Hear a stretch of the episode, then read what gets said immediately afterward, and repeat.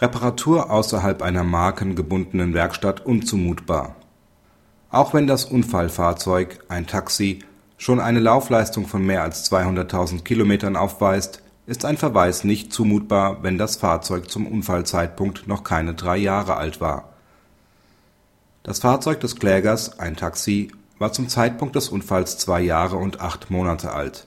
Da es aber schon eine Laufleistung von über 200.000 Kilometern aufwies, hat die Beklagte den Kläger bei der fiktiven Abrechnung der Reparaturkosten auf eine günstigere Reparaturmöglichkeit in einer freien Werkstatt verwiesen. Auf die Berufung des Klägers sprach das Landgericht diesem Reparaturkosten nach dem eingeholten Sachverständigengutachten zu.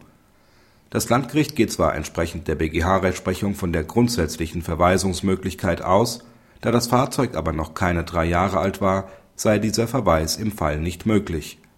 Der Grund für die Privilegierung von solchen Fahrzeugen, die noch keine drei Jahre alt sind, liegt darin, dass im Falle einer Reparatur eines solchen Fahrzeuges in einer freien Werkstatt die Gefahr besteht, dass dem Geschädigten bei einer späteren Inanspruchnahme von Gewährleistungsrechten, einer Herstellergarantie und/oder von Kulanzleistungen Schwierigkeiten entstehen könnten.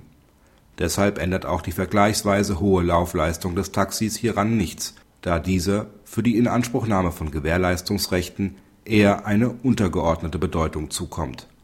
Das Amtsgericht hat auch nicht feststellen können, dass der Kläger sein Fahrzeug bereits innerhalb der ersten drei Jahre außerhalb einer markengebundenen Werkstatt hat reparieren lassen.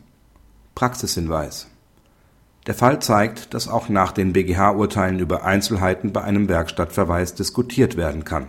Zu berücksichtigen ist, dass man die ohnehin schon sehr komplizierte Abrechnung des Fahrzeugschadens nicht noch weiter ausdifferenzieren sollte. Sicherlich kann mit guten Argumenten, wie hier, befürwortet werden, dass ein Fahrzeug mit einer solchen Laufleistung noch der Markenprivilegierung unterfällt Gleiches gilt für die Grenzziehung bei drei Jahren. Unseres Erachtens sollte man es dabei belassen. Die Gerichte folgen der neueren BGH-Rechtsprechung.